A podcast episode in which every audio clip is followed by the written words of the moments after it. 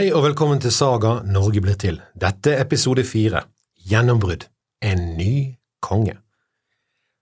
Som vi hørte sist, er det ikke godt å vite hvem som er Harald Hårfagres mor.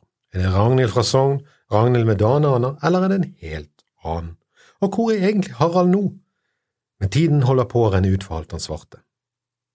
Er Harald i Sogn, eller er han i Jotunheimen, eller er han et annet sted på Gilde en fremmed konge? Ingen vet. Men akkurat nå er det faktisk viktigere å vite hvem som er faren enn hvem som er moren, for det, for det er fra faren skal, han skal arve land og rikdom. Halvdan ser ikke ut til å ha flere sønner. Han er ikke spesielt glad i sønnen sin. Snorre sier tørt at han var veldig glad i moren, men mindre glad i barnet, men likevel, det er sønnen. Halvdan var i høyeste grad en mann av den virkelige verden. Slik hadde han laget seg et kongerike i det indre Norge. Sagaen sier til og med at han var så realistisk at han aldri drømte. Men nå hadde han fått sin kone, sannsynligvis, og det er mer sannsynlig at han har denne konen enn at, enn at hun er mor til Harald. Han hadde fått seg en kone som drømmer, og hun drømmer stort. Hun var en klok kvinne, sier kildene, og det er kanskje mer enn antyder at denne drømmen ikke bare dukket opp helt tilfeldig hos Ragnhild. Men Ragnhild sover og drømmer en drøm som synes å være en profesi. Et frempeik. Hun ser seg sjøl stå i hagen. Mens hun går, setter en tårnebusk seg fast i kjolen, og tornen knekker av. Ragnhild ha tornen ut av kjolen som naturlig er. Hun får den ut. Men mens hun holder den, begynner den å vokse i begge ender. Den ene spiren når bakken og slår rot. Den andre enden vokser seg høyt opp i luften, så høyt at hun ikke kan se toppen, men med en tykk, tykk stamme. Nederst mot roten var det rødt som blod, men videre oppover ble det grønt og friskt, og på toppen var det snøhvitt. Treet vokste seg stort og tjukt, og greinene bredde seg utover hele Norge, og lenger. Drømmen er så full av frempeik og symbol at det ikke er rart at den får plass i sagaene. Da Halvdan Svarte hørte den, så må han ha undret seg. Spesielt for en som ikke drømte, og for folk ellers som fikk høre om det. Om det var sant, da. Det virker kanskje også som dette er noe som er lagt til etter at det visste hva som skulle skje. Men det kan se ut som Halvdan tror på det. Han synes åpenbart det er merkelig at dronningen drømmer så store drømmer, og han ikke drømmer noe. Så nå ber han om råd om hvordan han skal drømme. Den luringen han heter spør, han spør, heter Torleif Spake, og Torleif må ha vært en liten skøyer, og jeg mer enn mistenker at han kanskje er forfaren til Per Inge Torkelsen. Og vi aner kanskje at dette er en mann Halvdan går til fordi han har hørt at han drømmer mye. Torleif er ikke en mann som lar denne sjansen gå fra seg. Han funderer litt på hvor mye moro han kan få ut av dette, og hvor farlig det kan bli for han selv om han drar det for langt. Per Inge Torkelsen-delen vinner, og han klarer å holde masken mens han sender kongen ut i grisebingen for å sove og drømme.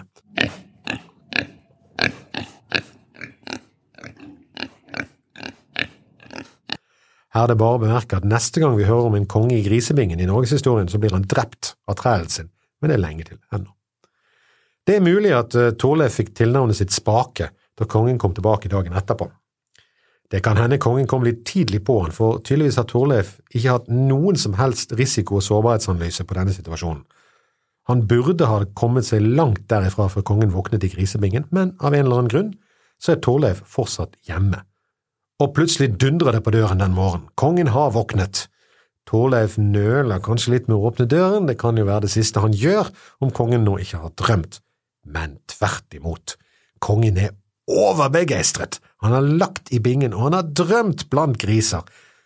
Torleif holder tann for tunge, ukarakteristisk nok, og det glipper ikke ut av han et eller annet som, som kongen så grisen, eller, eller var det grisedrømmer, eller noe lignende. Han bare sier noe som ligner på ja, ja, det var jo det jeg sa, før Halvdan vil ha han til å tolke drømmen. Jaha, tolke drømmen. Hm. Hvordan har du fått det for deg at jeg kan tolke… Vel, vi får prøve. Halvdan har drømt om hår. Mye hår i mange farger og horn, mange små horn. Hva betyr dette? spør Torleif. Spør han Torleif. At du må ha spist noe av den råtne grisematen og fått delirium, det sier ikke Torleif. I stedet spør han kongen om flere detaljer, og ja, jo, det var en lokk som vant over alle andre, så fager og lys og stor var den. Ok, hår, horn, Stor lokk som vinner over alle de andre. Hvordan i huleste skal jeg tolke dette, tenker Torleif, men la det stå til, og han forteller kongen det han tror kongen vil vite. Det han så sier, tyder på at han kanskje har hørt om dronning Ragnhilds drøm. Han forklarer drømmen som at Halvdan skal få mange etterkommere, og noen av de skulle rå over land og riker med stor heder. Det skulle i tillegg komme en av hans ett som skulle bli større og mektigere enn alle andre. Sagaene som er skrevet rundt 1220, drar straks parallellen til, til, at denne lokken må beskrive Olav den hellige. Olav den hellige. Masse hår, en lys hårlokk som legger seg over alle de andre små, en fager hårmanke, hårfarge, Harald Hårfarge. Torleif og de andre aner ingenting om Olav Digre som skal komme nesten 200 år senere, men for 1220-tallets kristne sagaskrivere så var Olav viktig. Men i den folkelige tradisjonen som ligger bak, er det nok mer en henvisning til Harald Hårfagre, som skal samle riket. Både Ragnhild og Halvdans drøm tolkes som et varsel om Harald Hårfagre, og at denne ætten, ynglingeætten, skal styre over Norge. Mest sannsynlig er nok dette et senere påfunn, men om det nå var slik at Haralds foreldre drømte om dette, så har nok Harald hørt om det, og på et mesterlig vis brukt det til å bygge opp myten om disse varslene. Det har styrket følelsen av at Harald har en kontakt med det mytiske, med det mystiske, med åndeverdenen om du vil. Han er altså både en verdslig monark, men også en slags prestekonge. Det var ikke uvanlig på denne tiden, det er lang og sterk folketro om overnaturlige evner hos kongelige, spesielt innenfor helbredelse. Merovingerne i Frankrike var slike. Noen tror faktisk på det den dag i dag og kaller det for vel, engleskoler eller hva det nå kalles. Om Harald bruker disse varslene eller om de diktes opp i ettertid, vites ikke. Men sammen med historien om Fenen og jotten Dovre så danner det et bilde av en konge med sterke bånd til det overnaturlige. I en tid der skillet mellom virkelighet og mytisk verden ikke var så klart og sterkt som i dag, hadde dette stor betydning, om ikke annet psykologisk. Alle visste jo at det var en usynlig jotne som slåss på Haralds side. Det er nesten som historien fra Troja, der gudene velger side og slåss på slagmarken. Slåss mot en småkonge i Oppland, jo da, men slåss mot en småkonge med en usynlig jotne på laget, nei, tror vi venter og ser hvordan dette går. Men nå var en lang vinter på hell. Snøen er ikke smeltet, og isen ligger fortsatt men det er fortsatt kaldt. Harald er kanskje i Sogn til fostring, eller så ligger han i trening i Jotunheimen hos Dovre, eller så er han et helt annet sted. Det eneste vi egentlig vet, er at han ikke er oss sin far. Faren vet vi hvor er. Han er i Veitsle på Hadeland. På denne tiden hadde ikke kongen en hovedstad. De hadde rett til å bo på kongsgården eller storgårdene rundt omkring og få mat og drikke for seg, sin familie og sitt følge. Dette var lov gjennom sedvane eller lovbestemmelse. Halvdan var, var altså på slikt besøk på Hadeland i en del av sitt rike. Det var begynt å våres. Det var sol, og snøen var begynt å smelte, og det dryppet fra istapper og snø, men ennå var det snødekt og mulig å reise med slede, og sledereise var det mest behagelige av alle reiseformer på 800-tallet. Halvdan ville ta beinveien over Randsfjorden for å komme seg hjem. Kanskje advarer noen kongen. Herre konge, det er, det, det er sol, det våres, det er snø og klake smelter, kanskje det er bedre å kjøre rundt? Halvdan hører ikke på dere. Nei, gjennom, gjennom om så det brister, ut på isen legger de i vei. Vi kan se for oss at de nyter solen i vårværet. Kanskje de letter litt på antrekket, det er deilig å kjenne solvarmen i vinden når hesten drar sleden raskt over isen. Det er en flott dag. Det kunne gått bra også, hadde ikke vært for én ting. Om det er fordi de kjører feil eller kommer forbi med et uhell, eller om de får den utrolige dårlige ideen å gi hestene vann, det vet vi ikke. Men ved Røykenvik kjører følget inn i et område som bøndene har brukt til å gi dyrene vann om vinteren. De har hakket hull i isen. De kjører ikke i hullet, så dumme er de ikke, de kjører rundt det. Men på isen der dyrene har stått og drukket, og rundt omkring der, har også dyrene, vel, skitt, lagt fra seg møkk. Denne mørken er varm i utgangspunktet og smelter seg ned i isen, og når solen står på, blir den mørke møkken varmet opp, isen smelter, og når solen blir vekke, så fryser det igjen, og så smelter det igjen når solen kommer fram, og i stedet for normal stålis er området fullt av morken is. Og alle som er kjent med is og snø, har sett dette. En is som svikter ved det minste trykk, og som er som å kjøre på en Stratos. Ikke et underlag å stole på. De ser det nok, halvdansmenn, men kongens vogn er for langt framme. Stopp, stopp, stopp! Og det går for fort med sledene. De hører nok lysen, lyden fra isen. Men alle som ferdes på is, er vant til å høre buldringer fra isen. Ingenting rart med det. Men så er det denne knekkende, sprekkende lyden, denne lyden av nærmest som du klemmer sammen papp, og plutselig høres en annen, tydeligere lyd. Så et plask, og flere plask. Skrikene fra vettskremte hester i det iskalde vannet og ropene om hjelp fra mennesker som forsøker å kjempe seg ut av fælene opp til kanten, fyller luften. De kjemper seg mot kanten, og hestene sparker vilt i det kalde vannet. Men det nytter ikke. Isen er morken og brekker når de kommer nær nok til å forsøke å dra seg opp. Seletøy og vogner drar hestene ned, og tunge skinnfeller og vinterklær trekker folkene mot dypet. Hele følget stopper opp, bare for å merke at isen sprekker rundt dem, og snart er de også i det kalde vannet. Noen få er for langt bak eller ut til siden for å bli trukket ned i dragsuget, og isen som forsvinner. De stopper, og noen løper til, men merker at isen svikter under beina. De kan bare se at vogner og folk blir borte i dypet. På et eller annet vis så får de dradd opp kongen til slutt. Vi vet ikke om han kommer seg inn til iskanten eller om de finner han druknet og flytende, men uansett, det er for seint. Fryser han i hjel eller drukner han der i Røykvik, vi vet ikke. Det vi vet er at han er død, og med han en stor del av følget hans, eller en mengde mennesker som Snorre skriver. Dør, dør dronning Ragnhild her også? Det vet vi ikke, men hun er tydeligvis ikke lenger i live. Det er bare Harald igjen, men hvor er han? Er han i Sogn, eller er han hos Finn, eller er han hos Jåtten? Et eller annet sted. Sagnene sier at Finn nå sier til Harald at faren er død, og han må reise hjem for å få hans rike og vinne hele Norge. Et annet at Dovre bringer dødsbudskapet og lover å hjelpe ham med å vinne Norge. Harald legger det deg her er ingen tid å miste. Han har fått beskjed, og nå gjelder det å nå fram så fort som mulig, før noen andre. Det er nemlig ingen automatikk i at han skal over til riket. Noen slik lov finnes ikke ennå. Morboren Guttorm, som er flott, dugende og fremfor alt voksen, det vil si 15, er kanskje en like god kandidat når kongen skal velges. Hele hirden kjenner han, mens Harald har ingen sett på fem år. Mens Harald gjør seg klar til å reise, forberedes begravelsen av hans far. Og den er i ferd med å splitte riket og skape ufred. Alt er klar for hauglegging på Ringsaker, men så tropper det opp stormenn fra andre deler av riket, fra Romerriket, Vestfold og Hedmark. De kommer med et ganske makabert krav. De vil ha like. Igjen antydes en mytisk kobling mellom det utenjordiske og denne slekten.